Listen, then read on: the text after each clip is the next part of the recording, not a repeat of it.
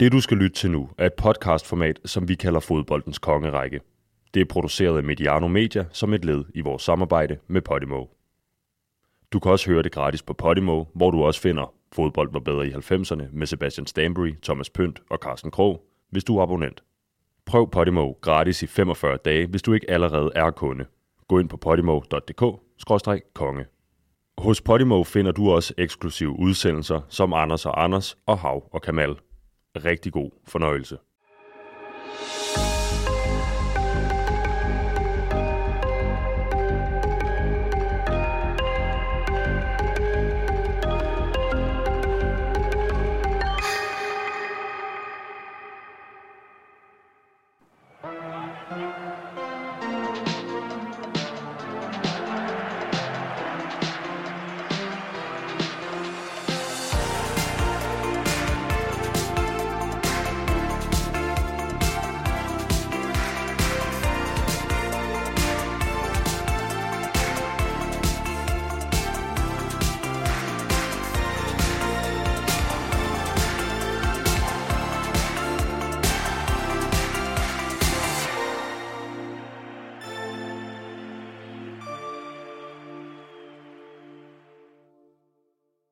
Sebastian, er Thierry den spiller, der med rette kan føle sig mest forbigået, når det kommer til uddelingen af prisen som verdens bedste fodboldspiller?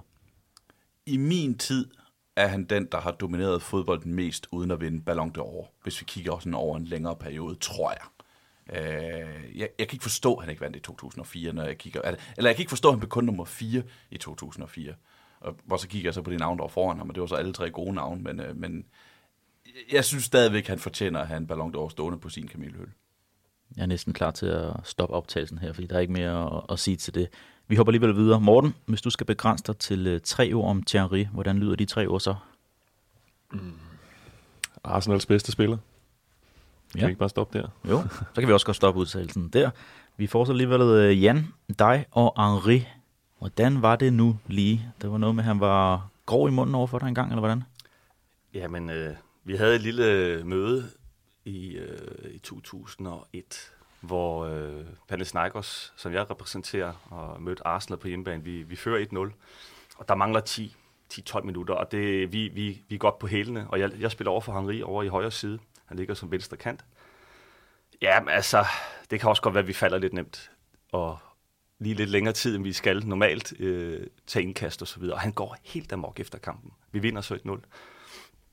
Og han bliver ved med at forfølge øh, især mig, og Saitadidis med især mig, hvor han, øh, han har bare set sig sur på mig, fordi han har følt, at, øh, at vi trak tiden helt, helt sindssygt meget. Ikke? Og da vi efter kampen er på vej ned for at lave en uh, Fenerbahce med vores fans, øh, modsat ende selvfølgelig Arsenal-fans, der bliver han ved med at gå efter mig.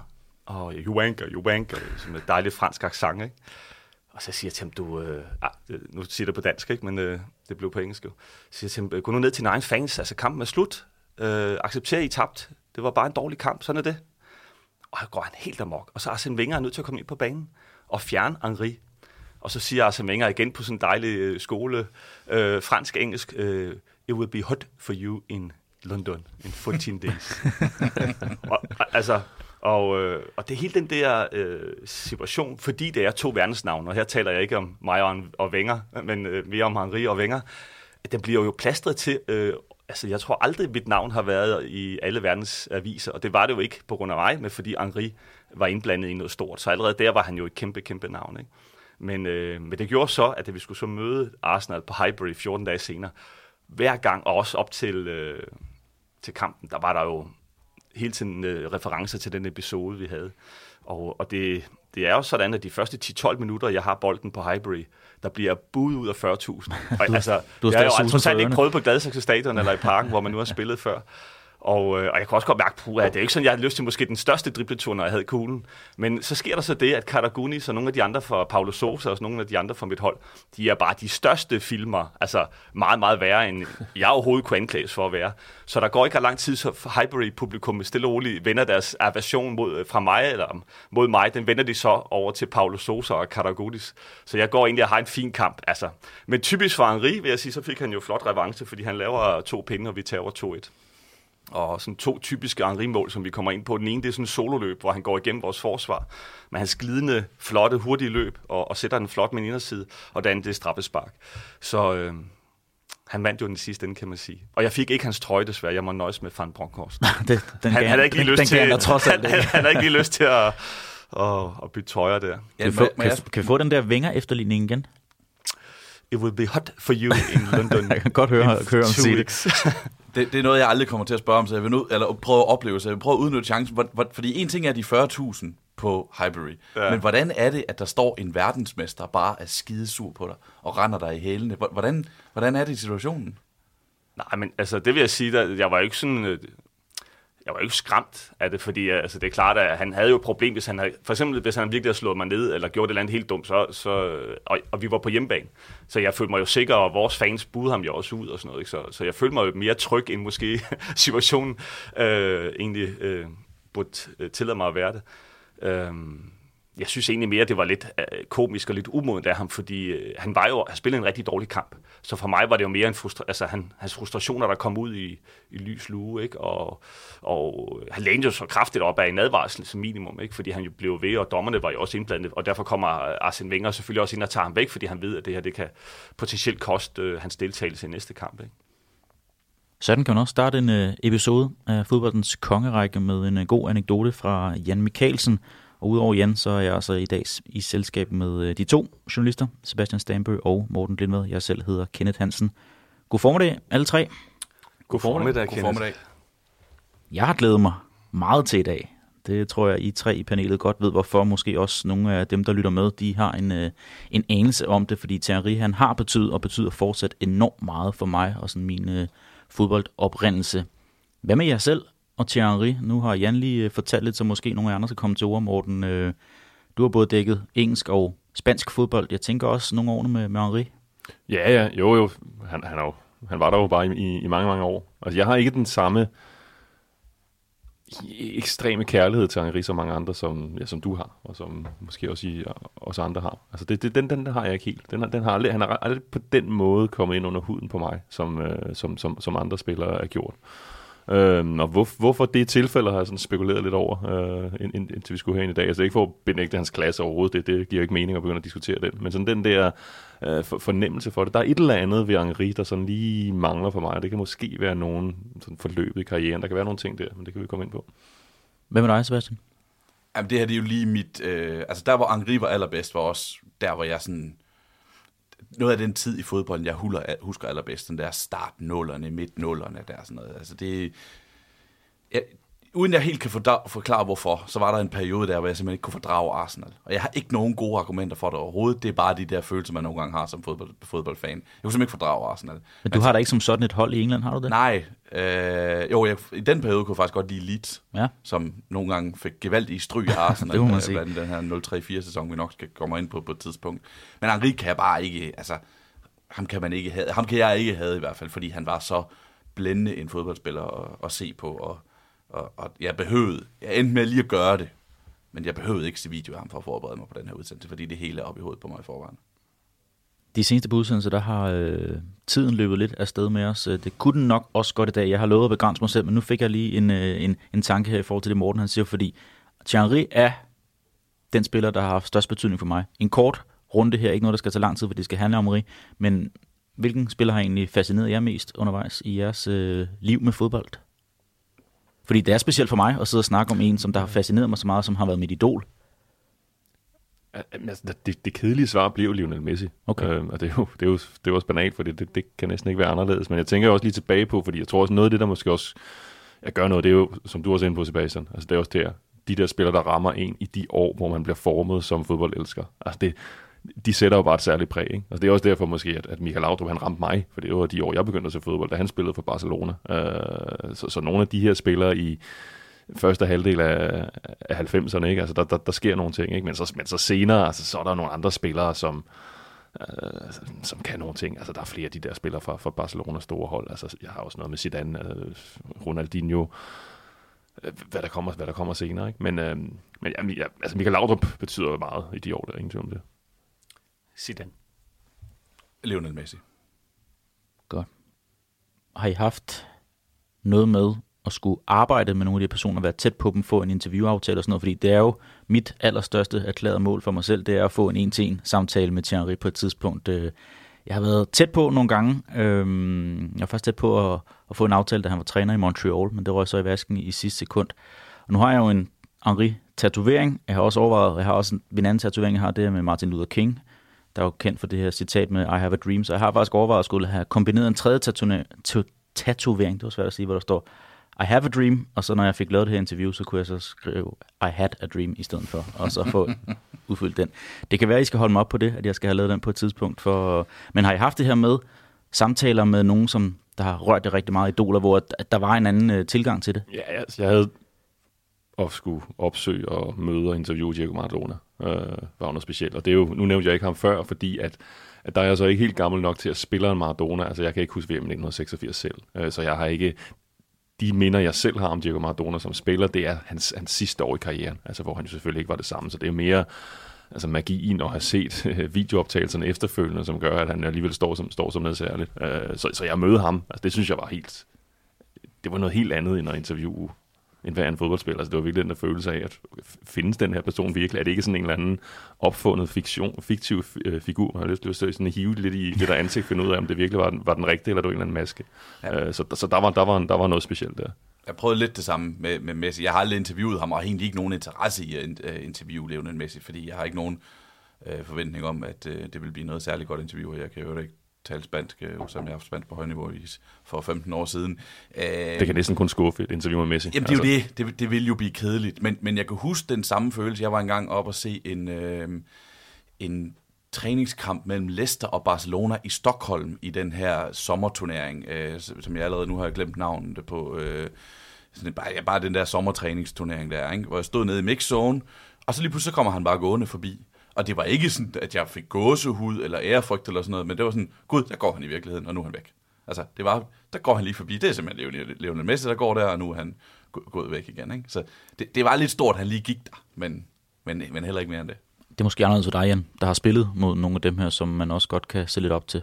Ja, men det, det, jeg synes, det er utroligt fascinerende at høre både Morten og Sebastian fortælle om deres fascination for fodboldspillere, hvor jeg måske mere er på musikere. Altså, har jeg det med Sting, da jeg mødte Sting.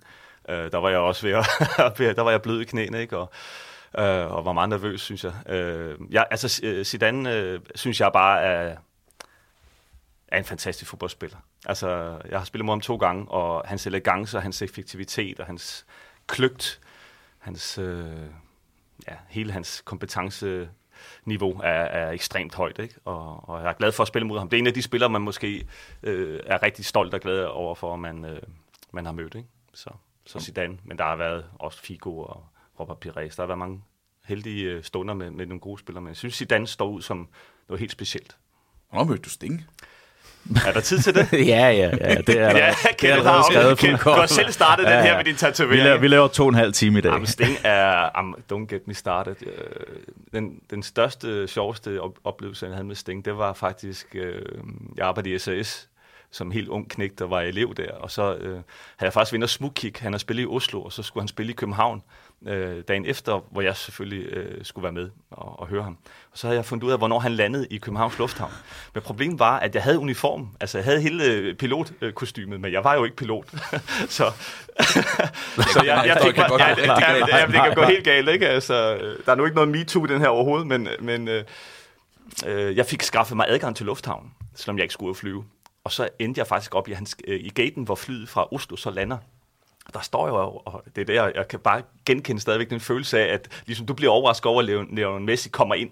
Jeg vidste jo, at Sting ville komme der. Og jeg parkerede mig, jeg havde taget alle mine du ved, specielle CD'er med, han skulle skrive under på og sådan noget. Så kommer han så først bandet, og jeg kan se, at de, er, de har virkelig haft en våd aften der i Oslo efter koncerten. Ikke? Og så kommer han så til sidst der, Sting. Øh, meget højere, end jeg egentlig havde forestillet mig, han var. Og så stiller han tasken der, og jeg spørger pænt om Mr. Sting. Could I have an autograph? Yes. Og så ser han så, alle de andre fra bandet går jo bare videre selvfølgelig. Ah, later, siger han så. later? om fem år, eller hvornår har du regnet, at vi lige skulle ses igen? Så følger jeg efter ham hele vejen ned til bagagen. Jamen, det er jo helt skørt. Men, uh, Fik du så, den autograf? Ja, så, nej, så sker der det, så skal jeg tisse helt sindssygt. Så jeg er simpelthen nødt til at gå på toilettet, og der er jeg jo skide bange for, at Sting og de, der får deres øh, bagage, hele hans crew, står jo, han står med sit crew og band, Hvem kommer så ud på toilettet og skal tisse? Det gør stink. Så jeg står ved siden af ham og tisser. Øh, men det får jeg ikke nogen autograf af. Tværtimod, så får jeg måske lidt øh, tis på mig, fordi jeg bliver sådan helt øh, befippet. Ikke? Øh, det ender så øh, heldigvis godt. Jeg går over til ham igen og forstyrrer ham øh, lidt arrogant træt, øh, siger han til mig, at vi skal jo ikke øh, lade flyene vente. Han tror, jeg er pilot jo, fordi jeg ligner jo en pilot med kasket og helt lortet, da jeg kommer over til ham. Og så får jeg min autograf. Så det var mit første møde med Sting, og så mødte ham senere. Uh, der er flere sjove ting også, der bliver solgt til Panathinaikos. Der Per Frimand møder jo faktisk Sting nede på det hotel, hvor jeg bor dagen efter. Sting og Per mødes. Og der får Per en autograf til mig fra Sting også. Det, ja, det er en lang historie, men, men øh, jeg kan godt forstå jeres fascination for jeres fodboldhelte. Sådan har jeg det med især Sting. Har du den så stadig, autografen? Ja, jeg har. Oh, ja, ja. Og pilotkostymer. Nej, nej pilotsystem, det er i hvert fald for, for lille nu, hvis jeg stadig er det. Jeg var jeg meget slankere, end jeg er nu. Sting og Per. Sebastian, jeg hørte uh, jeres seneste udgave af Fodbold og Bedre 90'erne, hvor du snakkede om sko og torp. Det her, det var også en uh, dynamisk Nej, ej, jeg gider ikke have sko og øh, torp med sammenblandet med Sting, Sting. Sting og Per. Det kan godt være, hvis Per Frimand og Sting øh, sådan gennemsnitligt ender på samme niveau som Skortorp. Jeg ved det ikke. Nej. Musikalsk? Ja. Ja, ja okay. Nå, så nu forsøger, også være god. nu forsøger jeg som øh, bedste tovholder og øh, få os tilbage i managen igen. Lad Ja, os, du må køre, klippe mig ud, hvis du ikke kan holde det ud. lad os køre en blå bog på Thierry og tale om øh, den her elegante franskmand. Han øh, blev født i udkanten af Paris i 1977. Han er derfor 45 år gammel den dag i dag.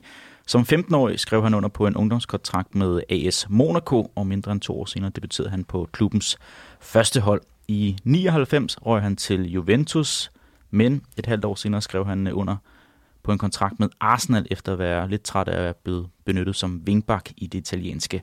Henri nåede at være i London i 8 sæsoner, hvor det blev til intet mindre end 175 mål i Premier League, fire topscore-titler samt to mesterskaber og to FA Cup-titler med øh, The Gunners.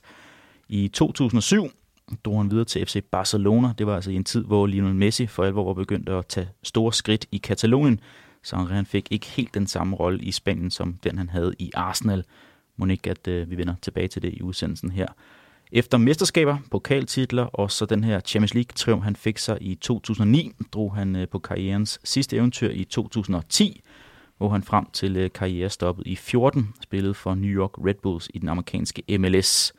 På landsholdet nåede han at score 51 gange i 123 kampe, og nåede at vinde både EM og VM med Le Bleu.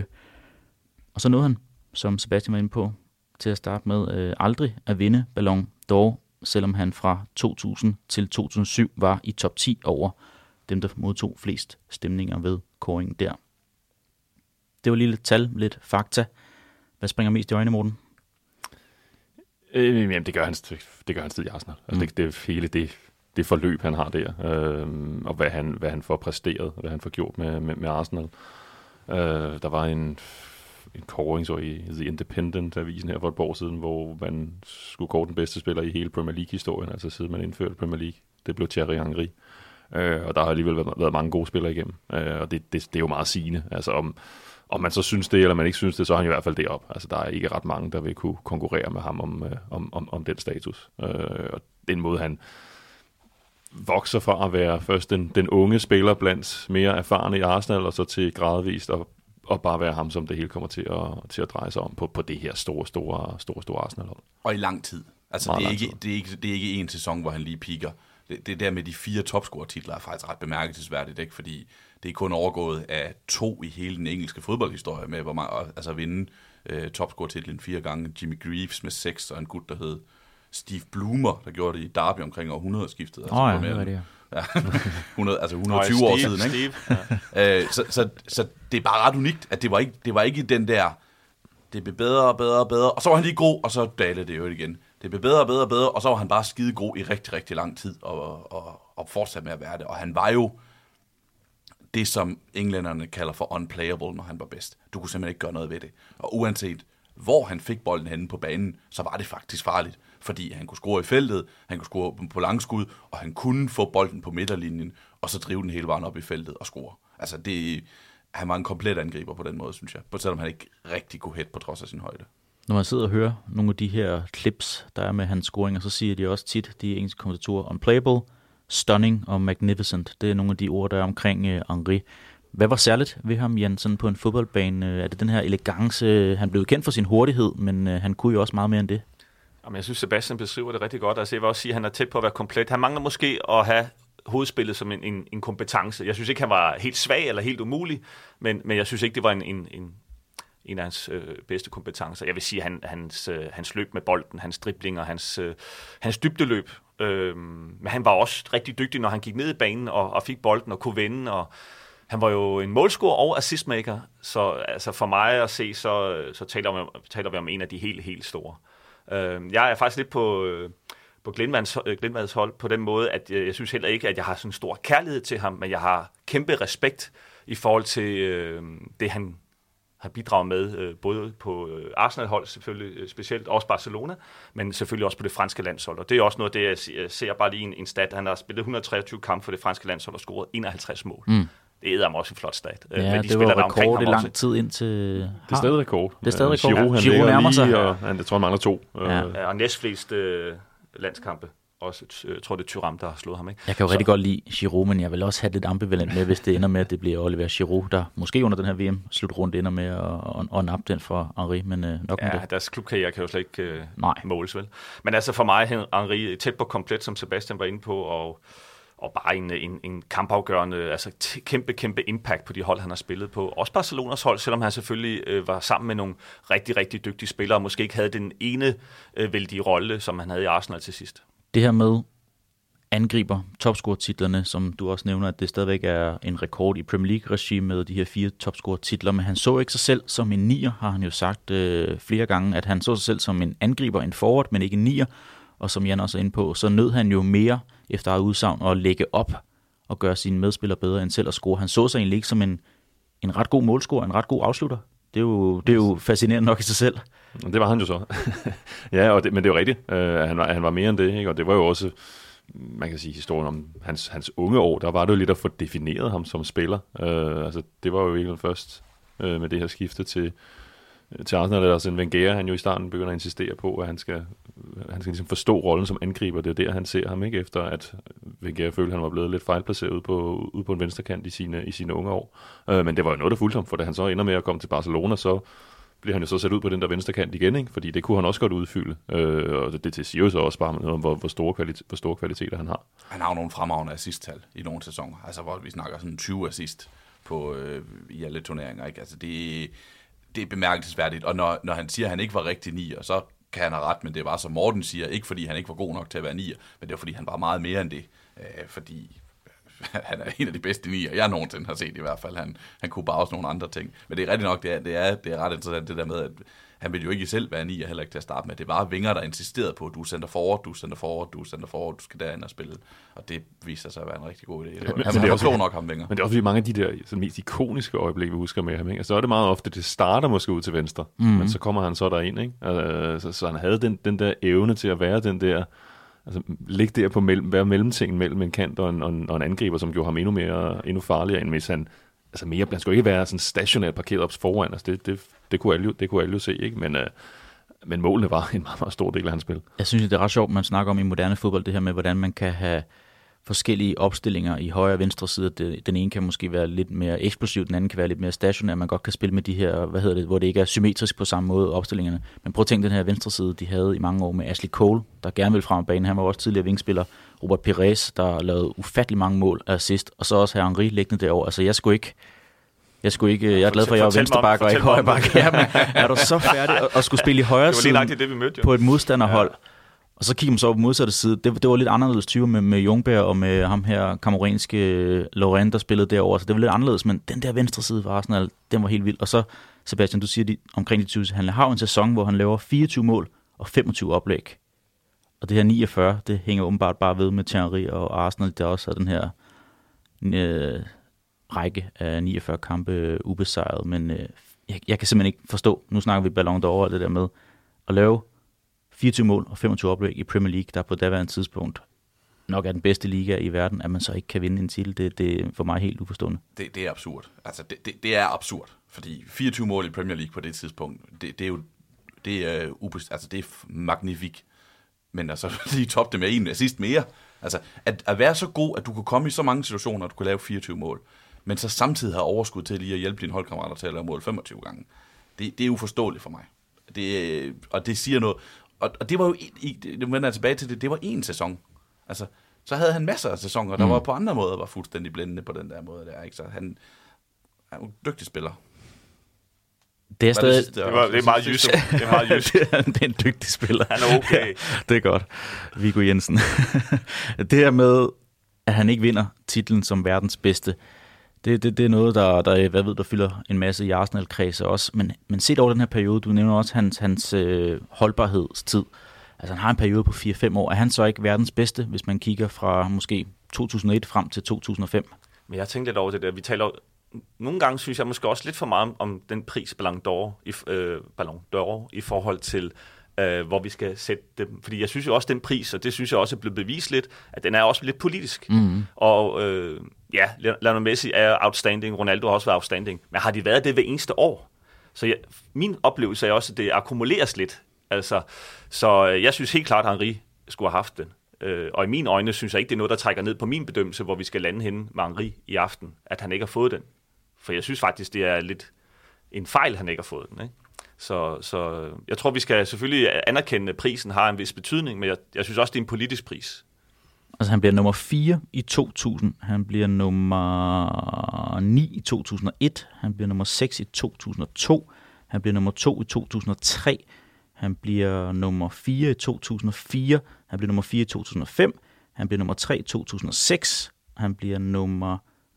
Er der 2007 er han øh, lige akkurat ikke med på, øh, på listen, men altså i den her årrække her... Jeg, godt, altså, altså, jeg synes også, at han skulle have haft den øh, på, et, på et eller andet tidspunkt, men jeg, om det er det ene eller andet år, men jeg tror også, at jeg kan se årsagen til, hvorfor han ikke får den.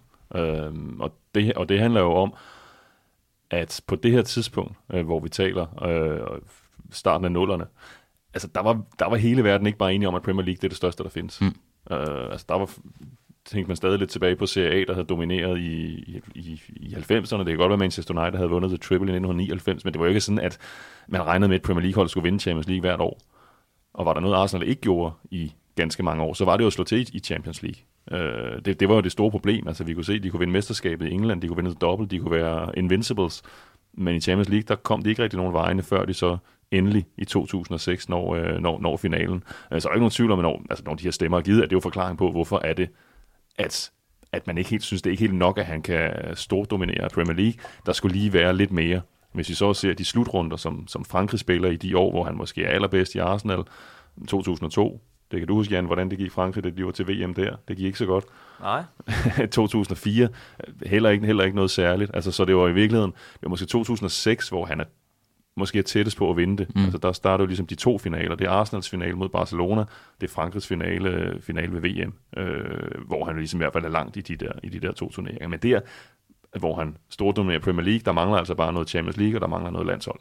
Og Cannavaro ender med at blive øh, vinder af, af guldbolden i, i seks, altså havde Frankrig blevet ja, så, han formentlig, så, han, han formentlig fået den, med mindre at det skulle være sådan en Zidane stopper karrieren med mm. VM-finalen, hvis han havde sluttet den med at være banens bedste spiller, i stedet for at få et rødt kort. Altså, så kunne det da godt være, at der var sket et eller andet der. Ikke? Morten, du snakker om den her Champions League-final i 2006. Måske vi vinder den senere, når vi skal ind på øh, højdepunkter og lavpunkter i, i karrieren. Jeg ved, du har også boet i Frankrig i udkanten er Paris også, ikke?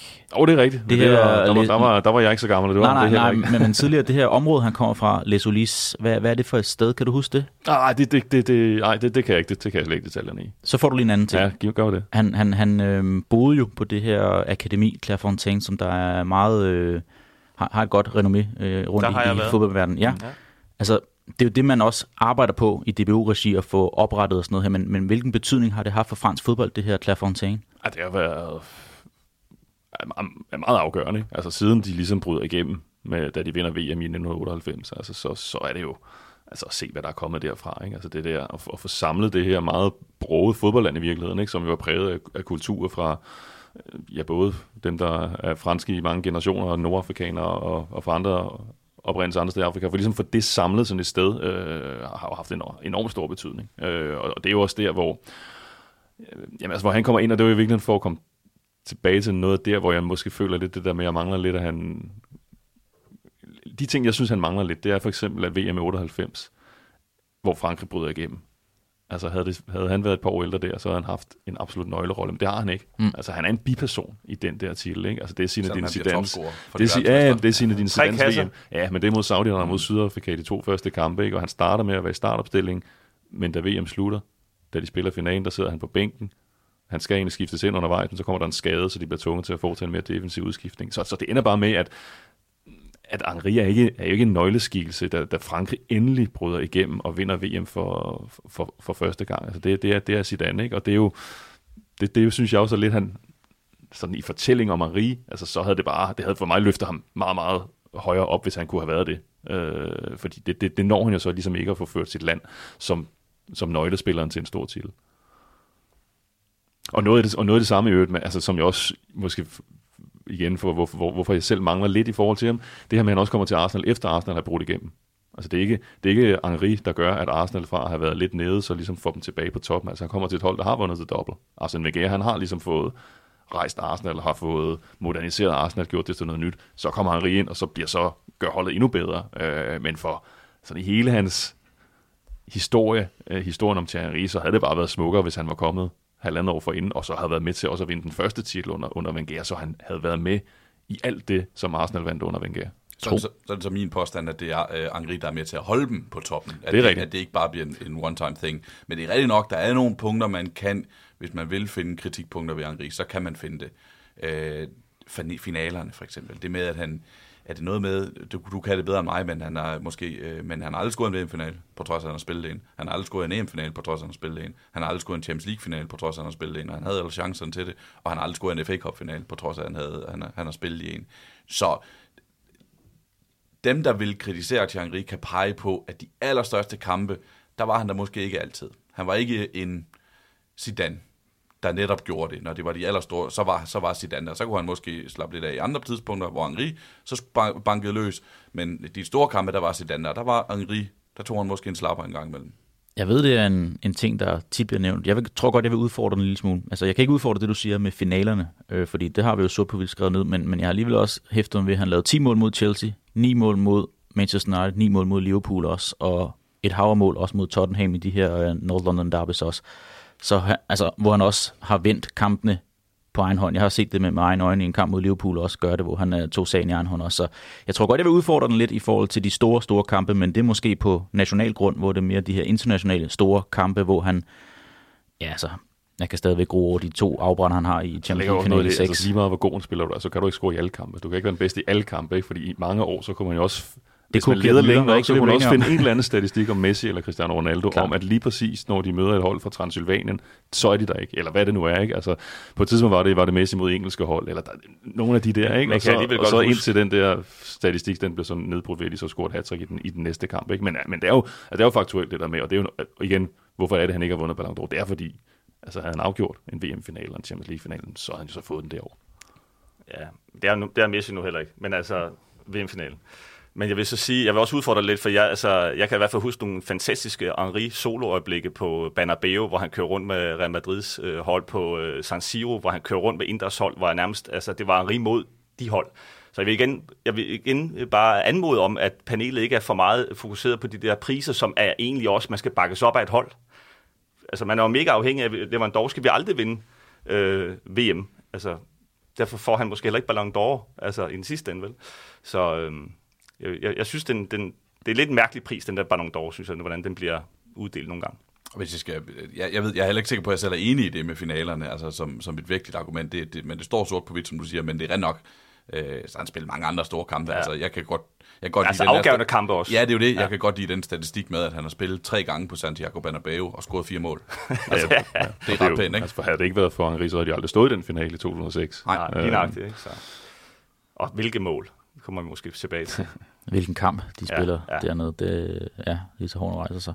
Skal vi prøve at gå til nogle øh, højdepunkter og øh, også eventuelle lavpunkter? Lad os lægge ud med højdepunkterne. Det har været svært, synes jeg, at øh, frame bare et enkelt, men øh, lad os høre, hvad I har i posen.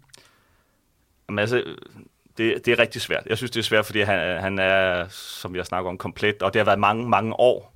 Men jeg siger, jeg siger et højdepunkt for mig, når jeg lige så det igen i går, det er målet mod uh, United, mod Barthez på mm. Highbury, hvor han øh, vender, får en bold fejlvendt, vender som en øh, balletdanser, udefra, skal selvfølgelig passe på, at der ikke går øh, for meget, altså meter, 25, 22 meter. Ja. Det er langt udefra. Mm. Og vender bare, og som den nemmeste ting i verden, bare flugter den op i modsat hjørne, hvor Bartes bare står og kigger øh, på, at den sejler op, helt op i krydset. Chipper den op til sig selv. Jamen, det var mm. ja, et fantastisk mål. Altså det vil sige, det er bare sådan et, et glimt af klasse, hvor man bare lige tager det der ud og siger, at det der det er verdensspiller, der gør det. Det er en verdensklassespiller, der kan gøre det.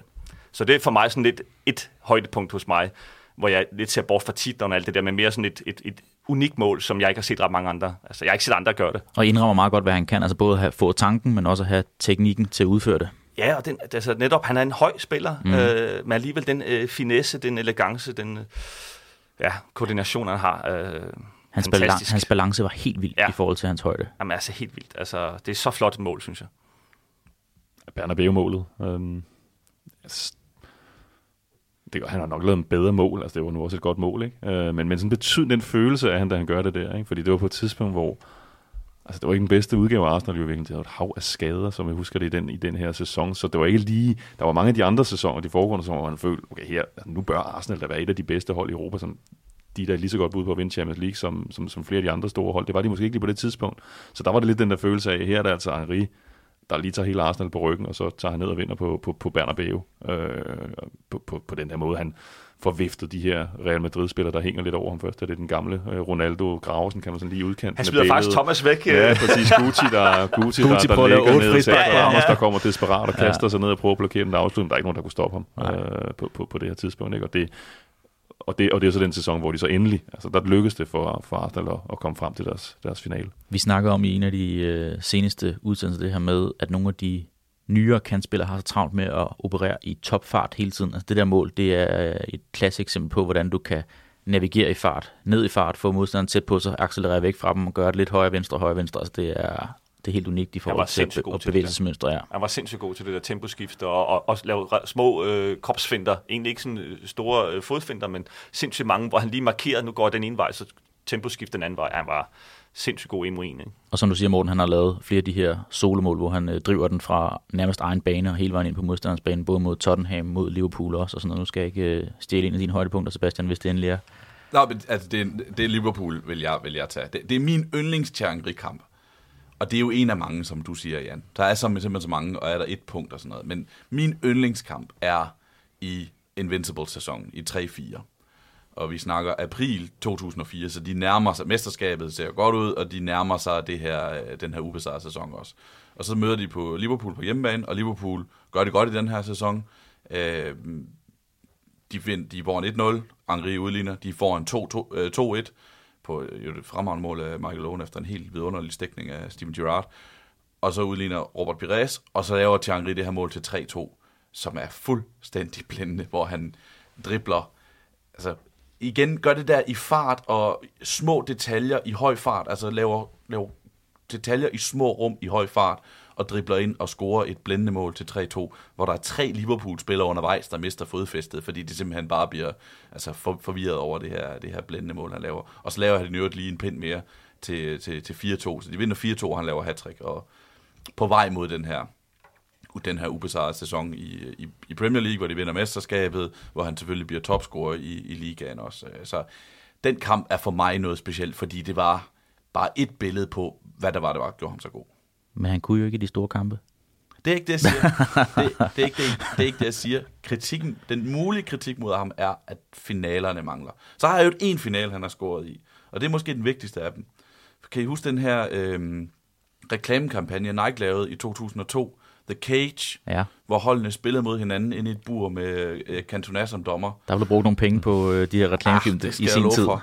Der hedder finalen altså Totti, Nakata øh, Hidetoshi Nakata og øh, Henri mod Roberto Carlos og Luis Figo og den gamle Ronaldo. Mm. Og der er det jo altså Henri, de spor, første mål vinder, og Henri scorer øh, finalemålet 1-0-mål i finalen ved at træde op på skuldrene af Totti, der binder snørbånd, og så hætte bolden i mål, da Cantona han dropper ned fra toppen af buret. Så har han jo scoret en finale. Så har han nemlig scoret en finale. God pointe, Sebastian. Ja. Det var golden goal. Det var golden goal. First goal, first goal wins. Ja, det, var, det, var, det, var, det, var en, det var nogle fede reklamer. Han, han, han havde andre fede reklamer også. Har I set den der i, i sit eget hjem, hvor at, øh, han bliver haunted af de her United-spillere og alt muligt andet, hvor han ender med at, at drible rundt, og så det var en, en drøm, han har haft med sin hund. Ja. Og der. Og den var jo, den reklame er jo inspireret af, at øh, Thierry fortalte, at han altid selv havde en bold liggende alle steder i huset, så han altid lige kunne gå og drible. Fordi den, den del, synes jeg lige er vigtig at få med. Henry elsker fodbold. Mm. Øh, og jeg, jeg sidder med en bog her, øh, Thierry Lonely at the Top, af Biography, skrevet af Philippe Auclair. Og der ski, siger han i den, øh, han er, ingen fodboldspiller elsker fodbold mere inderligt, end han gør. Det siger forfatteren, fordi Henri han elsker fodbold, og han er en meget, meget stor fodboldtænker også. Altså, øh, da han kom til New York, så behold, altså det, mange ser jo det der, så skifter han til MLS, det er sådan en aftægtsstilling. Og nu skulle han bare over til nogle penge og have, have det lidt rarere. Øhm, men og der er også et forrygende billede af ham, hvor han sidder og ser Woody Allen spille klarinet sammen med øh, Tim Cahill og sådan noget. Så han havde det også hyggeligt derovre. Men hans holdkammerater var imponeret af, at han kendte samtlige modspillere på samtlige modstandere. Altså han vidste, hvem alle spillere i ligaen var, fordi han går op i det på den måde. Og hans træner i New York Red Bulls, Mike Petke, har sammenlignet ham med Albert Einstein og sagt, at det at tale om fodbold om Thierry Henry er det som at tale øh, fysik med Albert Einstein. For det, Det, havde, siger, det er, havde han- Pet det gjort, åbenbart. Jeg, jeg, jeg skal ikke kunne sige, hvor Han han, havde bare den mødt idé fra. Albert, Einstein og snakket. Du siger, at han kendte så Jan Mikkelsen på forhånd, så der var en grund til, at han gik amok på ham. det, det, han har helt sikkert været Der virker han knap som Einstein, vil jeg så sige. Men uh, lad det nu ligge. Sebastian, du, du nævnte den her Liverpool-kamp, og en af dem, han sætter på numsen, det er jo Jimmy Carragher, og øh, Carragher havde jo også, jeg ved faktisk, har han det stadigvæk sin egen podcast øh, serie, han havde det i hvert fald en gang, og øh, hans første gæst, det var Thierry den her The Greatest Game, som øh, Carragher havde. Der snakker de også om det her, og Carragher siger også, du sagde ordet unplayable øh, tidligere, at Carragher følte sig altid ovenpå i duellerne, om det var de der Drogba, om det var Wayne Rooney, om det var andre og sådan noget, men en, han aldrig vidste, hvor han havde henne, det var Thierry Og det var også i og for sig et ret stort øh, kompliment at få fra, fra Jimmy Carragher. Jeg har, jeg har mange af de her højdepunkter. Men ved det er meget sjovt, du siger det, fordi uh, René Henriksen, min, min dejlige ven og kollega, han sagde lige nøjagtigt det samme. Ja. Han elskede egentlig at, at spille mod øh, nogle store nogen. Den kunne man ligesom have på forsiden af sig. Men Henri, og vi husker også Søren Kolding. Nu sidder jeg faktisk i Sørens øh, øh, debut-trøje af, jeg skal ikke komme ind på flere lange anekdoter, men øh, jeg sidder så med Søren okay. Koldings øh, trøje. Og, og øh, jeg havde faktisk lidt ondt af Søren, da han fik den løbduel med Henri i, øh, til EM, ikke? EM 2000, ja. Ja, altså for alle. Han vil jo løbe for alle jo. Altså, og, øh, og René sagde bare bagefter, puh, jeg er sgu glad for, at det ikke var mig, fordi, øh, fordi ja, han havde jo de der hurtige... Fordi Henri, altså han var jo netop komplet, så han kunne også løbe dybt. Men han kunne også øh, lave en, øh, forfinte og så øh, få en meter eller to i, på forsiden, hvor han så kunne vende, og så kunne han gøre dig rigtig, rigtig ondt i en 1 mod 1, hvor han kommer frontalt imod dig. Ikke? Så spørgsmålet er hele tiden, hvor høj en linje skal man lægge som forsvarsspiller mod ham. Og øh, ja, jeg kan godt forstå, at Carragher han havde den øh, frygt, og han ikke vidste, hvor han var. Og netop det der, det tror jeg, det var det, der fascinerede mig ved Thierry i sin tid, at, at altså, jeg, jeg har været forholdsspiller og var altså aldrig over midten og kunne øh, dårligt øh, få tre øh, jongleringer selv, altså før den ramte øh, jorden. Ikke? Så jeg havde overhovedet ikke det evner der, men, men det der at se en spiller, som du aldrig vidste, hvad du fik fra, men at også bare opleve ham på stadion, hvor han spillede, at det der sus, der gik gennem publikum, hver gang han var i nærheden, det kunne være på, på banens midte, altså så var der sus, fordi der var en forventning om, nu sker der et eller andet, og det gjorde det som oftest også, altså det, det, det var helt vildt. Og så vil jeg sige en enkelt ting, som jeg selv oplever med Mbappé nu. Der er bare et eller andet vildt fascinerende ved at se så meget fysik, at der en, en atlet kunne udføre tingene med bold. Øhm, altså det der med at se, okay, hold kæft, han er hurtig. Altså, jeg, jeg, for fjernsyn kan man nogle gange godt fornemme, at folk er hurtige, men jeg blev også sådan selv, da jeg så Mbappé første gang live, wow, er du sindssyg. Han sætter bare rammer sig af med et skridt, ikke? Og det var lidt det samme med Henri, når han kom i fart, og man, han fik den der plads i omstillingerne, hvor han fik lov til at løbe en lang side. Folk var, hold kæft, han er hurtig, ikke? Altså, jeg tror, Kenneth, du, det, det har du blevet fascineret af mange gange, men den der, det der med, hans kombination af at være en urimelig stærk, hurtig spiller, samtidig med, at han også havde den finesse. Det er der ikke ret mange hurtige spillere, der har. Og slet ikke spillere, som er høje, øh, som, som han var. Altså, man er vant til at se små, hurtige spillere, men mange af de små, hurtige spillere er jo heller ikke så dygtige i små rum, eller måske så spilintelligente, som Henri var. Jeg synes jo netop, han var sindssygt, sindssygt øh, dygtig også til at løse tingene, når han så kom fri på grund af sin fysik. Ikke? Det er måske også derfor, han så altså i sine unge år bliver placeret på kanten. Lige nøjagtigt. de Der var år, mere plads. I de år, der tænkte man mere, altså hurtighed. Men hvor skal vi bruge hurtighed? Det skal man typisk på kantspillerne, ikke? Ja. Ja. Altså se bare det land, danske landshold, der var du måske skilt dig lidt ud i forhold til de andre. Altså mm. Grønke og Rommedal, hvor du virkelig havde den der, den der speed. Ja. At man måske ikke i helt lige så høj grad tænkte, at den der fart, at den kom til sin ret derude, fordi at inden central, fordi der var ikke plads til den, men ude på kanten, der kunne man bruge den til noget. Helt klart. Og for at lige binde en krøl på halen med Carragher, så endte ham og øh, Thierry med at arbejde sammen på, øh, på britisk tv, og der, der, der siger Carragher også det her med, at han havde behov for, at han stoppede karrieren og, og slippe fodbolden, når de så sad og analyserede det. Det var ikke med samme følelse, men Henri, han var nærmest mere involveret i kampene som øh, pundit, som ekspert, end da han selv spillede. Altså han, han kunne sidde og rive sig i håret og klask på lovene, når der kom en farlig han, var, han var simpelthen så suget ind i det stadigvæk nu her.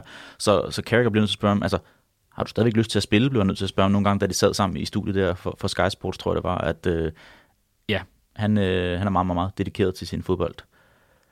Nogle af de her højdepunkter, altså I, I vil selv nogle af de her Champions League-kampe, altså på Giuseppe Miazza mod Inter, hvor han øh, hiver Zanetti rundt flere gange, nogle af den her franske arrogance, som man kan måske tale, at noget af det, der taler lidt ned for Henri, om, om han nogle gange gjorde lidt for meget ud af at ydmyge sin, øh, sin direkte modstander der, men, men det gjorde han i hvert fald det. Han har også nogle forrygende kampe mod Roma hen over et par sæsoner, hvor han også øh, på Olympico hiver dem ned. Han blev den mest scorende Arsenal-spiller, slog Ian Wrights rekord i Prag mod øh, Sparta Prag, tror jeg der, hvor han bare tager den ned, og så som den største selvfølgelig ligger med ydersiden øh, hen i det lange hjørne der. Det er, Efter han var skadet i to måneder, det mål, han laver der, det, det husker jeg tydeligt, da han lavede. Kenneth, jeg vil godt lige holde fast i det der med ydmyge lidt. Jeg synes, det er selvfølgelig et, et stort ord, men jeg blev faktisk lidt overrasket over, at han har jo fået en, øh, en, øh, et spark, eller en, øh, hvad hedder sådan noget, en dribling finte opkaldt efter sig. Fake ja. shot. Og det, det var ikke noget, jeg tænkte over, da jeg altså spillede. hans aflevering? Eller? Ja, han, lavede, han laver jo, som om han... Hvor han sparker med ja, det er jo den modsatte, ja, det er jo ikke kiggefinten som Laudrup, som vi har mm. talt om, men det der med, at han lader som om, han, han vil spille med det ene ben, og så tager han det andet, mm. og så laver han sådan, du ved, en, øh, en bevægelse med, med den anden fod. Det, det ser så lidt klovneagtigt ud, men det, de gange, jeg i hvert fald har set de klip, øh, der lykkes det jo med at spille bolden derhen, hvor han gerne vil. Men det er jo også sådan lidt unødvendigt, sådan lidt, det er nærmest sådan tangerende Neymar-agtigt. Ja. Øh, så jeg kan godt forstå, at du kommer med den øh, kritik af ham. For Han- det, det, han det ser jo ikke så kønt ud i forhold til øh, respekt for modstanderne. Han laver det øh, helt unødvendigt. Ikke? Han startede med at gøre det på træningsbanen, så gjorde han det under opvarmningskampen, og så sidst så implementerede han det så også i kampen. Ja, det er helt ja. vildt. Ja. Det, det, det, har jeg ald- det havde jeg aldrig set andre gøre, gøre før han lavede det der. Jeg havde, altså, jeg havde en Det ser helt skørt ud. Ja, jeg kan huske, jeg havde en video liggende på Jamen, på det ser computer, skørt ud. lavede Det. Ja, det ser helt skørt ud. Men det, men det er jo lavet, han har fuldstændig kontrol over, hvad han laver hele vejen, hvilket også understreger den her gode teknik, som han i øvrigt ikke var født med.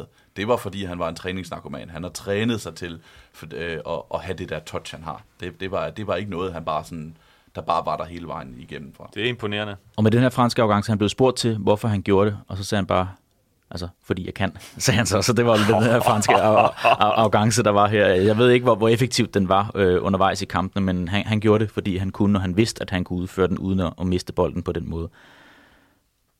Jeg husker også den aller sidste kamp på Highbury, hvor at, øh, Arsenal slår Wigan med 4-2. Henri laver hat og øh, scorer på straffespark med et kvarter igen, og efter den her straffespark-scoring, så øh, bukker han sig ned foran øh, en af indetribunerne der og øh, kysser græsplænen på Highbury. Har I været på Highbury efter det blev lavet om? Det er jo ikke et stadion længere nu, nu er de jo Ja, jeg, jeg var derovre faktisk kort tid efter. Det er jo et Øh, boligkompleks nu præcis. her. Ja, ja. Han har jo sagt, at han aldrig nogensinde vil sætte sin ben der igen, fordi at han er bange for, at det vil ødelægge minderne. Men øh, man kan jo være derhen, og de har jo stadigvæk de to øh, sidetribuner. Det er kun indetribunen, der er lavet om og blevet øh, sat nogle... Ja, det skal nogle man, hvis man øh, nogensinde skal til kamp på Emirates, så skal man, øh, det kan godt være, at Henri han ikke har tænkt sig at gøre det, men det Ja. synes jeg, at andre skal gøre, for ligesom at få en fornemmelse af, hvad det var. Hvor meget er der hvad det var tilbage så af stadion og, og så videre? Jamen, øh, de to inde, nej, side, sidetribunerne er, er vedligeholdt med det gamle bliktag også, og alt det der og sådan Ja. noget. Og så øh, Hvad inde, med banen og sådan noget? Altså, der er lavet et græsareal inde i midten nu her, hvor øh, sådan en lille parkområde for, for dem, der bor der, og hvor at, øh, de har bibeholdt noget af græsplænen, men noget af græsplænen blev også solgt, hvor man kunne øh, købe sig altså et stykke af græsplænen fra Highbury og have hjemme i sin have eller et eller andet sted og sådan noget. Og så sidder der Jeg tror, det er Herbert Chapman, øh, en af de første Arsenal-managers, sidder på en øh, bænk som en statue. Det er Henri jo sin statue over på, på Emirates der, men øh, han er der ikke. Men Herbert Chapman sidder på en bænk, og så er der også nogle gamle momenter, tror jeg. Så står stadigvæk øh, det gamle Welcome to Highbury et sted, når man går derind og sådan noget. Så det er faktisk et boligkompleks derhen med 40, 50, 60 synes du, det ødelægger din oplevelse af det gamle hype? Nej, jeg får kuldegysninger hver gang, jeg kommer derhen. Og jeg plejer altid at lægge en vej forbi, når man skal på, Og- og på Emirates. Nej, ikke, blomst. Jeg synes, han, han er med til at føre Arsenal ind. Ikke? Han spiller jo en, en enkelt sæson på, Ja. ja. på det nye stadion. Det er jo så ikke, altså, der, der er nogle skader, der rammer ham, så han er jo ikke sådan på toppen. Men jeg synes, et, altså, et, et sidste højdepunkt for med Arsenal, det er det der lille comeback, han får. i 2012. Altså han kommer tilbage øh, flere år efter, han har forladt klubben. Man troede ikke lige, man skulle se Henri spille for Arsenal igen. Og så blev han skiftet ind mod Leeds ni minutter på banen, så han selvfølgelig scoret. Ja. det, det, det, var, det er den der overlegenhed, han har, ikke? Altså selvfølgelig. Altså, hvis han kom tilbage, så var det for at score nogle flere mål. Øh, og hvor det, han siger, det var så den første kamp, han spillede for Arsenal som fan. Ikke? Og det, det synes jeg også er, øh, er stærkt, og man er jo ikke i tvivl om det. Han mener det. Altså, det er en klub, der betyder noget for ham. De er der ikke, øjne, han har Han har ikke bare været en, en professionel lejesoldat, der kunne have spillet for Arsenal. Han kunne lige så godt spille for alle andre klubber. Ikke? Altså, han bliver virkelig en del af hele det der, den kultur, det hold, og Wenger's Arsenal. Jeg tænker altid det her med at vende tilbage. Og nu havde vi Kaká i, øh, i, i seneste udsendelse. Det der år, han har på leje i, i AC Milan, det er jo ikke noget nær det samme som hans storhedstid i, i midten af nullerne. Henri vender tilbage.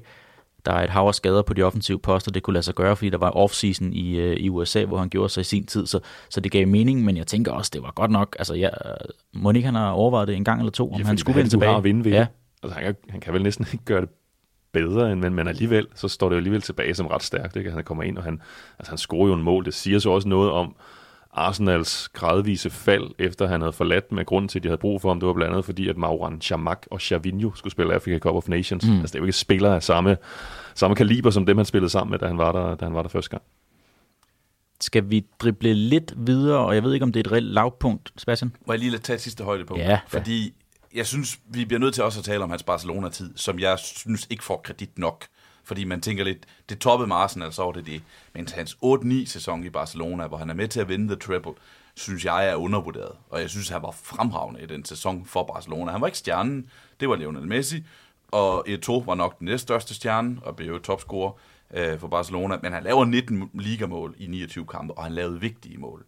Øh, da de vinder 6-2 på Bernabeu, så scorer han to gange. Det er ham, der scorer til 1-1 i den kamp. Øh, Barcelona har, ja, det har den her ikoniske 6-2 sejr, men de er jo bagud 1-0, og der er Henri, der scorer til 1-1. 1-1. Hvem ved, hvordan, hvordan den kamp ville være gået, hvis han ikke havde, havde scoret det mål. Og i Champions League har han også vigtige mål. De spiller 1-1 ude mod Lyon i første knockout-kamp, og det er ham, der scorer til 1-1. Og så scorer han jo til 1-0 og 2-0 i returkampen, som Barcelona vinder 5-2. Så han er, han er med hele vejen, og han laver vigtige mål.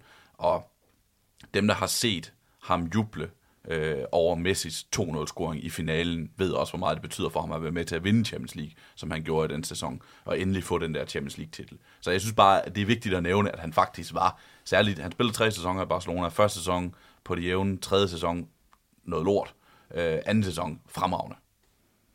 Det Jeg synes, det siger, altså, siger vildt meget om en, om en personlighed. Altså, ja. at han kunne gøre det.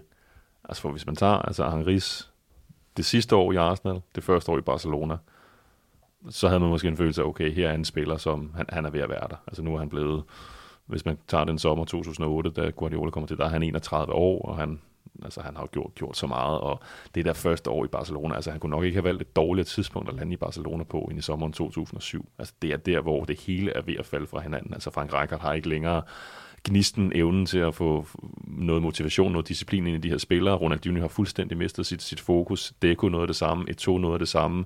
Det, det er et svært sted at lande.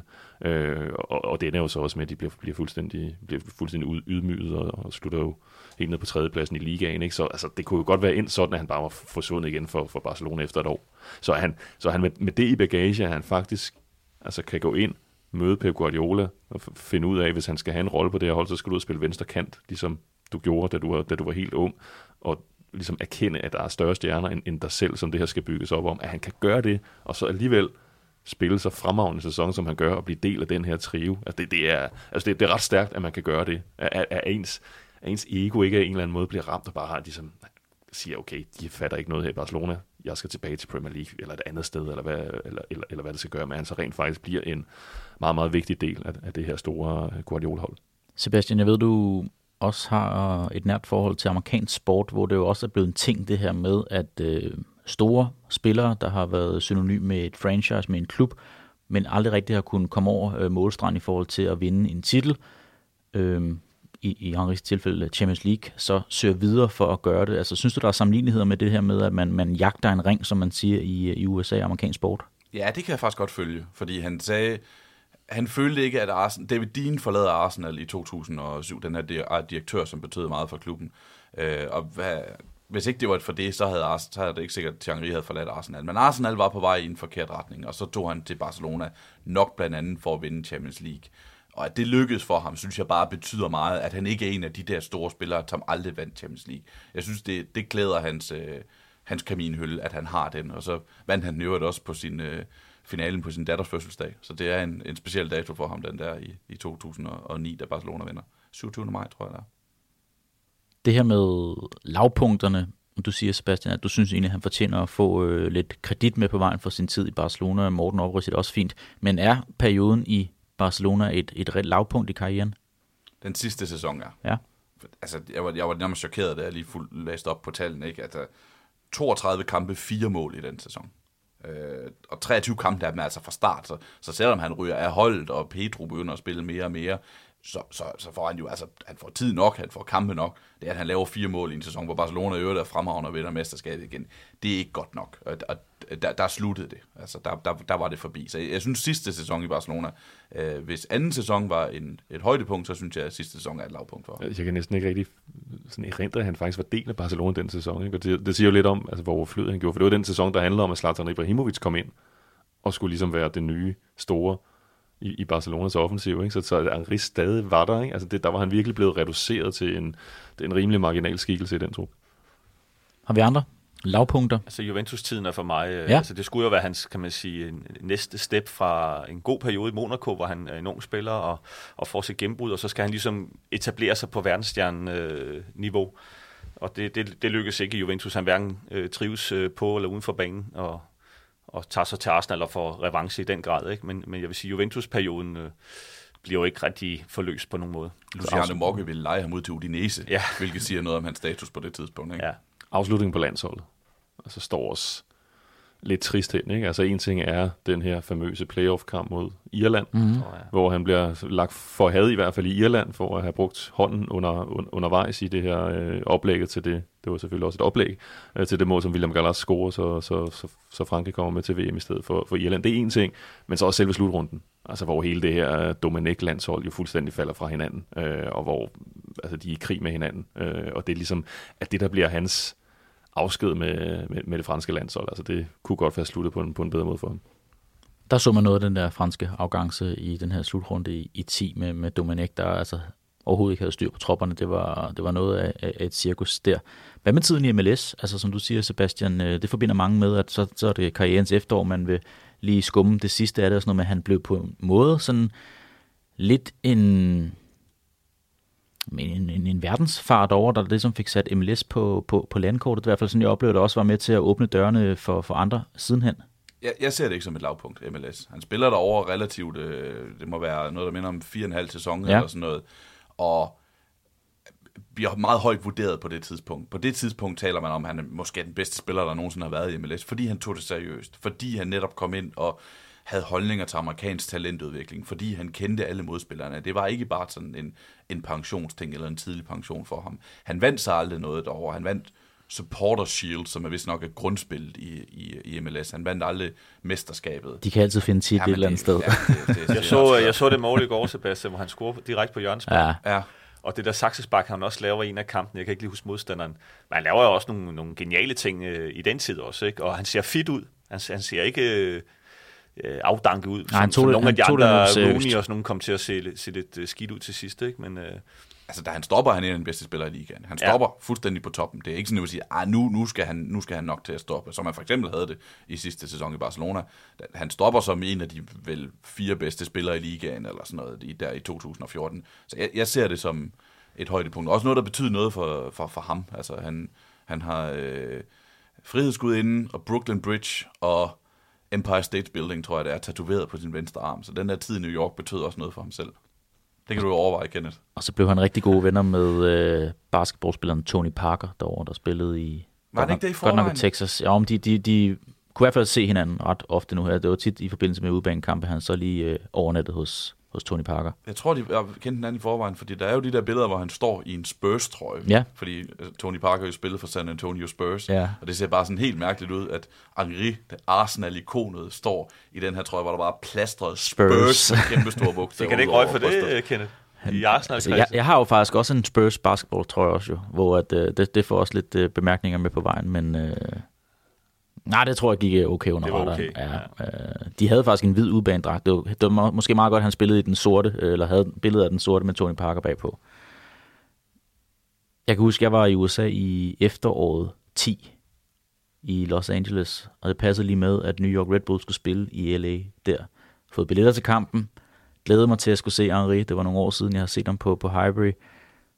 Og så kommer Hans Bakke af alle på pressemøde dagen forinden og siger, at Henri har lidt muskelproblemer. Han spiller ikke. Du har sgu da været lidt uheldig med de der Ja, men der. altså, ja, der var også, der var, da, da Belgien spillede mod Danmark i, øh, i parken her seneste sommer, der, der, der sad jeg altså tre rækker fra ham dernede. Øh, der, havde, jeg- der havde jeg faktisk lyst til at lave sådan en go-go-gadget-arm lige. Jeg kunne bare lige røre ham på, på, på, på skulderen Jeg på et tænker, der er lidt tidspunkt. man-crush i den her. Jamen, det er der, det er der, det, det indrømmer jeg gerne, men øh, der har været mange lige ved næsten oplevelser med, med Thierry, så jeg må, jeg må Lige næsten oplevelser. Ja. ja, det Du Skal- må få fat i uh, Jans uh, uni, pilotuniform, og så liste ind på ham på det- jeg har, det, jeg har kasketten. Det kan åbne døre. Jamen, han havde, han havde, en, han havde en hjemmeside engang, hvor at, øh, man kunne simpelthen øh, sende mails eller beskeder til ham, så det har jeg da også prøvet en gang, men øh, der var ikke noget svar. Jeg ved tænker, ikke, jeg tænker, jeg jeg, ved jeg ikke, om det kan var ham regne ud, selv, der sidder- nummer Henri er på listen hos dig, Kenneth. Ja, ja, det kan vi komme til lidt. Jeg ved ikke, om det var ham selv, der varetog den der mail-indbakke, eller om der var en anden, der gjorde det, men det, det blev i hvert fald pænt sorteret fra, at en eller anden øh, fra Danmark havde, havde skrevet til ham. Lad os prøve at hoppe lidt videre i programmet og tale om øh, lidt spøjs info, lidt øh, Wikipedia-viden omkring øh, Thierry, som vi måske ikke vidste til i forvejen. Jamen, jeg har jo ikke rigtig dyrket uh, Thierry på den måde, så der var faktisk en del uh, sikkert ligegyldig wiki-viden, men han bliver jo kaldt Titi Mm-hmm. uh, som kælenavn. Han er ven med Roger Federer. Ja, Uh, dem, der hører programmet, ved Han er jeg meget ret glad for anden sport også, ja. Ja, og NBA også, som Ja. du selv har vendt på, Ja. Kenneth. Og så har han en formue cirka på 60 millioner euro, har de så. Jeg tror, det er et par år An, siden. anslået den til. anslået den ja. ja. til. Det er da også en chat penge, tænker Jo. jeg. Så det var sådan lidt øh, fuldstændig ligegyldig viden, men øh, alligevel viden. Straight out of Wikipedia, så er han den spiller, der øh, har scoret flest mål om fredagen i Premier League nogensinde. Ja. 10. Det synes jeg er på en, eller anden måde, er på en måde en af de mest ligegyldige rekorder, jeg nogensinde har hørt om. Jeg skal også sige, at alle de rekorder, Fuck, har, det er så er fredag, den, det er fredag, mand. du, du, du, du hiver frem nu det her. Uha, den er, den er, den er grim. Endda hvis, man er, torsdag. is- endda hvis man var en spiller i højre siden, så er det været helt galt. Ja, det er klart. Ja. Så er man... Nu har jeg kommet til Premier League mange år. I drømmer ikke om, hvor mange ligegyldige informationer Ja, det er der er i de statistikker, man får le- leveret på, på forhånd. Der er jo, forestil mig, den der fredagsstatistik, den også har været der. Den havde du brugt, faktisk. Ja, helt sikkert. Hvis jeg havde kommenteret ham lang fredag, så havde den været der. Morten, du talte om Michael Laudrup øh, i starten af udsendelsen. Han har jo nævnt, at øh, han også var meget fascineret af Michael Laudrup, har ham øh, som en af de mest undervurderede spillere i, øh, i fodboldhistorien. Han blev bedt om at lave sådan et five-a-side-hold i den her øh, føromtalte podcast med Jimmy Carragher, hvor han har Pelé, Maradona, Cruyff, Beckenbauer og så faktisk Michael Laudrup. Det er meget pænt øh, five- five-a-side-mandskab. der. Jeg ved ikke, det vil jeg helst ikke møde, om Jeg jeg, så er i højre eller venstre side. jeg ved ikke, hvem der skulle tage kassen, men det må de så skifte som. Jeg tænker, de har bolden ret meget. Men øh, han, der nævner han også, at, øh, at han undervejs i sin karriere, også på vej op mod sin velmagsdage, så en øh, specifik video af Michael Laudrup på YouTube, sådan øh, flere gange om måneden. For ligesom han var meget fascineret af Laudrups evne til de her afleveringer hen over toppen på et forsvar, der så lå perfekt, inden at målmanden kunne komme ud og, og, og nappe den i, i eget felt. At, øh, at det var en af de afleveringer, han misundte mest, at Laudrup havde, han måske ikke selv havde i samme grad. Så der var lidt om, øh, om, om Michael Laudrup også.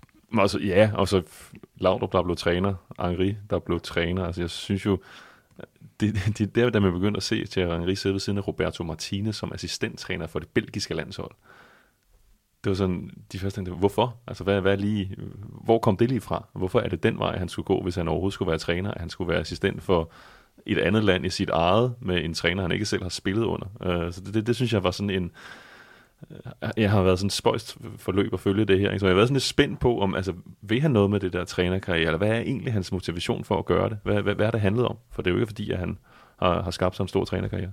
Nej, det er lidt interessant, om, om der kommer et, et næste skridt i det, fordi nu er han jo sådan øh, tv-ekspert også, men øh, har jo stadigvæk den her meget store passion. Det kan godt være, at det bare altså, det skulle smage lidt på det, og han så ikke sådan rigtig har Mhm. følt sig draget af det, så Roberto Martinez er jo givetvis også en interessant mand at, at, at stå i lære hos. Altså, han har jo mange tanker, og så mange tanker om spillet, så det kan sagtens være, at han har følt, at han kunne få noget ud af det. Øh, men, øh, men at det lige skulle være der, at han skulle, skulle tilbringe en del tid, det, det har undret mig lidt. Men hvis han vælger aldrig at blive træner igen, så synes jeg, at ah, det er lidt ærgerligt at være assistent for Belgien, øh, have en kort ophold i Montreal Impact, og så øh, i Monaco, hvor det heller ikke gik specielt godt. Der var hvor, også man, noget hvor man mest husker det der billede af, at der er en ung spiller, som øh, rejser sig fra et pressemøde uden at sætte sin stol på plads, og ja. Han lige bliver altså få øjnene fra Henri, hvor han godt ved, det skal han nok lade være med at gøre igen. Ikke? Det, er sådan, det er jo mest det, man husker fra Monaco. Men det, det- glemmer man så til Nej, det gør man ikke, det gør man Det er et ikonisk klip. Ja. Men det er, jeg, jeg er enig, det, det er spøjs, at han ikke er blevet en... Øh, jeg havde forventet nok, at han ville blive en bedre træner, fordi han ikke bare er en af dem, tænkte jeg, der blev træner, fordi hvad fanden skal jeg ellers lige lave?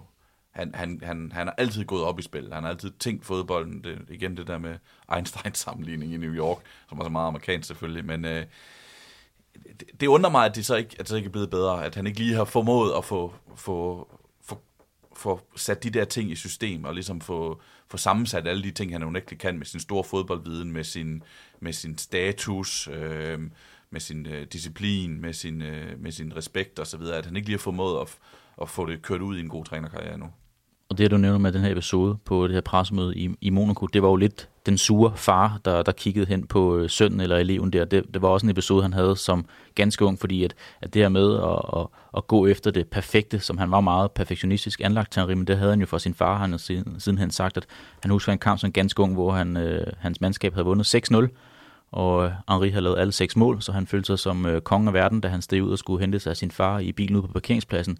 Men faren taler ikke til ham. Han gør det ikke ved det første lyskryds, heller ikke det andet lyskryds, og så til sidst, så bliver han nødt til at sige et eller andet. Så siger faren til ham, at øh, du missede en berøring i det 13 minut, du øh, havde en farløbing i det 27 minutter og sådan noget. Og det blev han ramt af, sagde han, men det var også noget, han arbejder med sidenhen for at, og ligesom den her evne til hele tiden at ville forbedre sig, som vi har talt om også, som du siger, i, i tiden i Barcelona med. Det var en helt ny rolle og, og noget andet, men den, den tog han også på sig og prøve at, at, at, at lære nye ting i sit spil også. Så, så der havde han hele tiden øh, det her med at, at blive bedre. Jeg har også noteret mig, øh, at han blev ligesom ambassadør for det her stand-up, speak-up i forhold til de her... Havde I nogle af de her gummi-armbånd på jeres øh, håndled? Sort-hvid. Livestrong. Livestrong, Ja, det var, det var den gule af dem, men, men, men det var, det var nogenlunde samme tid, var det ikke det? Ja, det skal nok passe. Ja, i starten, af- i starten af nullerne. Men han, han, han kørte den her kampagne for øh, antiracisme i, i både fodbold, men også øh, på en lidt højere skala, så øh, der var han også forgangsmand på det. Skal vi prøve at hoppe en tur i tidsmaskinen? Ja, Findes der. Thierry i, øh, i nyere udgave? Jeg synes altid, den er svær, den Ja. her blok. Øhm, altså, jeg, jeg tager Sané op igen for Bayern. Altså, jeg synes, han har lidt det samme øh, drev med bolden og så videre. Han er jo ikke på samme niveau. Jeg synes da ikke, Sané er, har kæmpe potentiale og spiller på et kæmpe, lækkert, flot, effektivt hold i Bayern. Men jeg vil sige Sané, men jeg synes, det er svært at finde en Henri, netop som vi har været inde på. Jeg synes, han er komplet. Han er unik øh, på mange måder, fordi øh, han kombinerer nogle forskellige spidsfærdigheder, som normalt kun øh, er hos, øh, en af færdighederne er hos de normale spillere. Han har 4-5 kæmpe, kæmpe færdigheder, øh, så han bliver komplet for mig. Men Sané er mit bud. Jeg synes, den er svær at finde. Det må jeg sige. Øh, Hvad med Lionel Messi? Nej, det er jo ikke... Altså, så, jo, så er det så klasse, ikke? Men, men det er jo... Men også det her med evnen til at, at sætte sine medspillere op, og nogle gange Jo, bare det, det, det tage er rigtigt affære både selv og score mål lægge op, men jeg synes, jeg, jeg synes jo ikke, at Messi han har... Der er noget af det atletiske, som mm. han Mm. jo ikke har. Uh, selvfølgelig er han også hurtig, men, men, men på en anden måde. Så, så nej, det, det, det, den synes jeg ikke helt. Jeg synes, den, jeg synes faktisk, den er svær, at- svær at se. Så synes jeg, man bevæger sig i hvert fald skal et stykke ned, altså hvor det er på, et- på et noget lavere niveau. Kylian Mbappé har helt klart noget Henri i sig. Altså det der med den der enorme fart, og så evne til at kombinere farten med at lave helt fremragende detaljer, altså sådan svære tekniske detaljer i farten, synes jeg, øh, jeg, jeg kan se noget øh, Henri i. Øh, Men synes Kylian du ikke, Mbappé at- minder så rigtig meget også om den gamle Ronaldo, hvis jeg skulle lave en, en kobling, men, men jeg, jeg, kan godt se, jeg kan godt se noget af ham i ham. Men synes du ikke relationelt, han mangler lidt Mbappé i forhold til Henris niveau? Jo, det kan godt være. Det kan godt være. det kan også godt være, at det kommer. Altså, at, Bestemt. Han er stadig meget, om, meget ung. Ja, Øh, hvis vi snakker ja. om Mbappé sådan længere frem i Ja. karrieren, og så altså, vil jeg føle den måske mere, mere, mere åbenlyst. Og så var der en, som på et tidspunkt var en, nærmest en kopi, synes jeg, i hvert fald i, sådan i nogen del af det, og det var Anthony Martial, som bare aldrig blev lige så god. Altså hans bedste sæson i Premier League, øh, var, tror jeg, han har lavet 17 mål, og det er Henri's 6. bedste sæson eller sådan noget i Premier League. Ja. Øh, men, men han havde noget af det, synes jeg.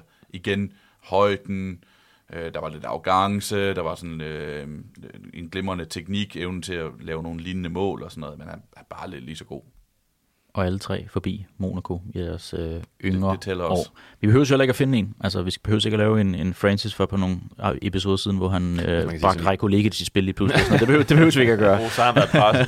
Altså i Barcelona kan man sige, at hans efterfølger i rollen lider jo lidt sådan et skæbnefællesskab i forhold til, at man måske ikke føler, at han kommer helt til sin ret derude. Altså David Villa, som de jo hentede i 2010, i stedet for Thierry Henry.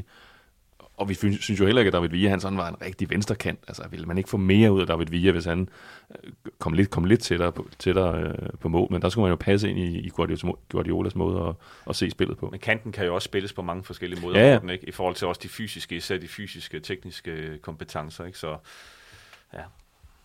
Nå, vi skal have placeret Henri på øh, kaminhylden.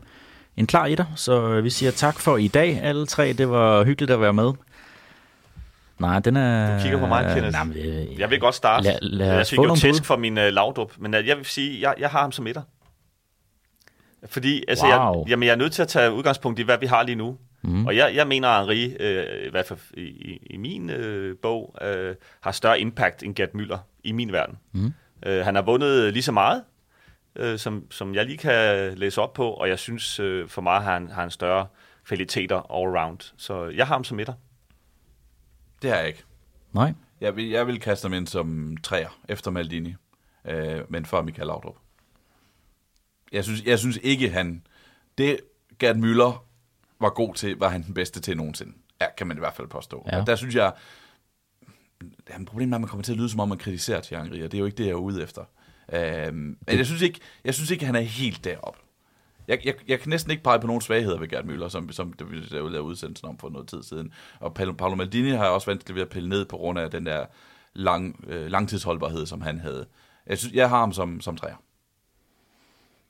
Jeg ligger jo nok i et, fra to til, til fire-agtigt derimellem. Øh, bare, hvis man bare kunne finde en form for median. Ja, ja, det, men det, det, jeg, jeg tror, vi bliver nok alle sammen præget af, at det, den, den liste, vi har, at vi jo så ikke alle sammen har været helt enige lige meget igennem, så det kan godt være, at der er, jeg synes, at han er bedre end ham, der ligger nummer Ja. ja. tre, men han er dårligere ham, der ligger nummer fem, og Mm. hvor er det så lige, man skal, man, man skal ende henne. Um, ja, vi kan vi i hvert fald blive enige om, at han er med. Han er med helt i toppen. Og for lytter, der måske øh, er med for første gang her, kan vi lige sige, at øh, vi har Gert Müller som etter, Paolo Maldini 2, Michael Laudrup 3, Ronaldinho 4, så ved jeg ikke, om vi behøver at bevæge os øh, meget længere ned i vores øh, rangliste, der altså lige nu inkluderer 10 navne, fordi Henri han er nummer 11, som vi skal have placeret i rækken. Jeg hører, vi Han er lægger... hvert fald i top 5. Ja. ja. Åh, ja. Jeg synes også, den er svær. Fordi... hvor, vil du, hvor vil du smide ham hen, Ken? Ja, hvor vil jeg smide ham hen? Du skal jo sætte ham som etter. Jeg vil nok sætte ham som nummer et eller nummer tre. Hvilket er mærkeligt, men det har vi jo haft flere gange, det her med, at øh, det skal være enten eller. Så jeg kan godt gå med til, at vi placerer ham som nummer tre. Altså, mit problem, det er jo Gert Müller, men øh, det må jeg leve med. Jeg var der ikke til stede. Den, Man kan øh, ikke tage tiden tilbage. så hårdt for, at han ikke skulle være nummer et. Vi men, kan ikke øh, gå det, tilbage i tiden og nej, fjerne nej, og det respekterer jeg også. Vi har vi har jo forskellige indgangsvinkler til de forskellige spillere. Som, Ja. Altså, klo- øh, træerne, det, øh, det synes jeg også er flot, når man tænker på det, de navne, han konkurrerer med. Det, det eneste, jeg vil have det svært ved, det er, at, at, at vi har jo også nogle andre navne i spil fremadrettet. Øh, ikke nogen endelig besluttet nu, men nogen, jeg tænker, vi alle sammen går og tænker, de skal være med. Og det vil godt nok pine mig, hvis Henri han på et eller andet tidspunkt ender med at være nummer 7-8 stykker på, på listen. Men det kan da godt være, at det bliver tilfældet. Der har været mange gode spillere i, øh, i Ja, fodboldhistorien. det har der godt nok. Ah, men jeg vil så sige, hvis vi lige... Øh, nu, du, nu har du, du er jo forelsket i ham jo, det kan jeg jo høre. jo, jo. Men, men øh, jeg vil sige, hvis... Ja, prøv, at se, prøv at se manden på det billede der. Ja, men... Øh, og han er kun blevet kønner med årene nærmest med det der skæg. man er jo sindssyg, når man er forelsket. Det, det ved Ja, ja, sammen. man- man gør du- mange tale irrationelle dig- ting, Man kan jo ikke tale dig til rette, Kenneth, så det, det respekterer jeg. Det er og også stort af mig, jeg siger nummer 3 så. Ja, det synes jeg, det er. Ja. Jeg synes, synes faktisk, det er flot af dig. Ja. Men jeg tænker bare på de navne, der venter os. Øh, så er det klart, at så forventer jeg ikke, at Henri lander som i top 3. Det må Nej. jeg også sige. Med alle de fantastiske fodboldspillere, der har spillet i den her vidunderlige sport, så vil jeg sige, så tror jeg, at Henri øh, lander lidt længere nede end nummer 3. Det, det er må- jeg nødt til at sige til dig. Øh, Ja. må, det må du arbejde med inden da. Ja, det kan godt være, at vi skal finde os en ny vært på formatet her, så hvis jeg skal, hvis jeg skal deal med, med sandheden. Men skal vi ikke give ham en tredjeplads? Det synes jeg Kan alle leve med er det? en Glimrende idé. Så sætter vi øh, punktum. Vi snakker om Thierry, men øh, inden vi sætter punktum for udsendelsen her, Sebastian, så har du fået til opgave at øh, smide tre nye navne i puljen, som vi skal snakke om næste gang. Eller vi skal kun tale om en af dem, men øh, der kommer en afstemning op. Ja, og det er så her, jeg binder en tråd tilbage til starten af udsendelsen, og den der manglende Ballon d'Or. Fordi, skal vi ikke tage en af dem, der besejrede Thierry i kampen om Ballon d'Or? Så jeg har taget ham, der vandt i 2003, Ja. Paul Nedved. Mm. Jeg har taget ham, der vandt i 2004, Andrei Shevchenko. Og jeg har taget ham, der vandt i 2006. Øh, fordi ham 2005, det er Ronaldinho, ham har vi haft. 2006, det er Fabio Cannavaro. Ah. Så, og så kan vi placere dem på en øh, kongerække, og så kan Thierry måske få sin øh, revanche, måske blive besejret af en af dem her endnu en gang. Han siger jo, at han ikke går op i de her koringer og titler. Men siger man ikke det, fordi man ikke har vundet dem, eller hvad? Det er i hvert fald nemmere at sige, hvis man ikke har en stående derhjemme. Ja. Gode navne. Jeg skal lige have dem op igen. Nej, jeg, jeg, jeg, kan, jeg kan dem godt, fordi jeg har siddet og kigget på de her koringer øh, tonsvis af gange. Nedved, Chevchenko og øh, Cannavaro. Yes. Ikke Paolo, men Fabio Cannavaro. Ja. ja. Paolo Cannavaro tror jeg godt, vi kunne finde plads til på kongerække. han vil nok gå ind, øh, ikke på en sidste plads, som du siger, men øh, Som nummer 11. nummer 11. Ja. ja. Godt. Lad det blive ordene. For i dag øh, fik jeg så sat Henri på et forløbigt podie. Nummer 3, hvor øh, Gert Müller stadigvæk er nummer 1, og Paolo Maldini nummer 2. Tak for i dag, alle tre. Selv tak. Selv tak. Også tak til øh, jer, kære lytter, for at øh, lytte med. Vi er tilbage igen samme tid, samme sted næste uge. Det er altså hver torsdag, at du kan høre et nyt afsnit af Fodboldens Kongerække hos Podimo på øh, genhør næste torsdag til endnu en snak om en øh, stor, stor spiller i fodboldens verden.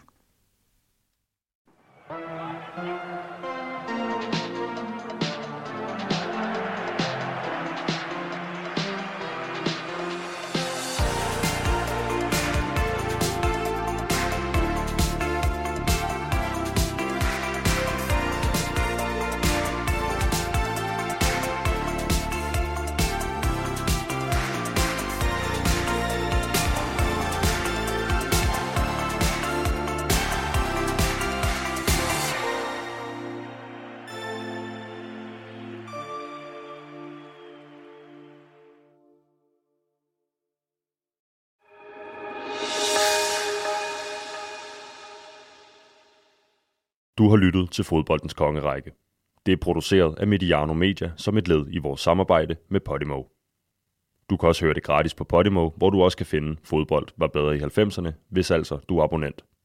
Prøv Podimo gratis i 45 dage, hvis du ikke allerede er kunde. Gå ind på podimo.dk-konge. Hos Podimo finder du også eksklusive udsendelser som Her går det godt og livet ifølge Emil og Thomas. Tak fordi du har lyttet med.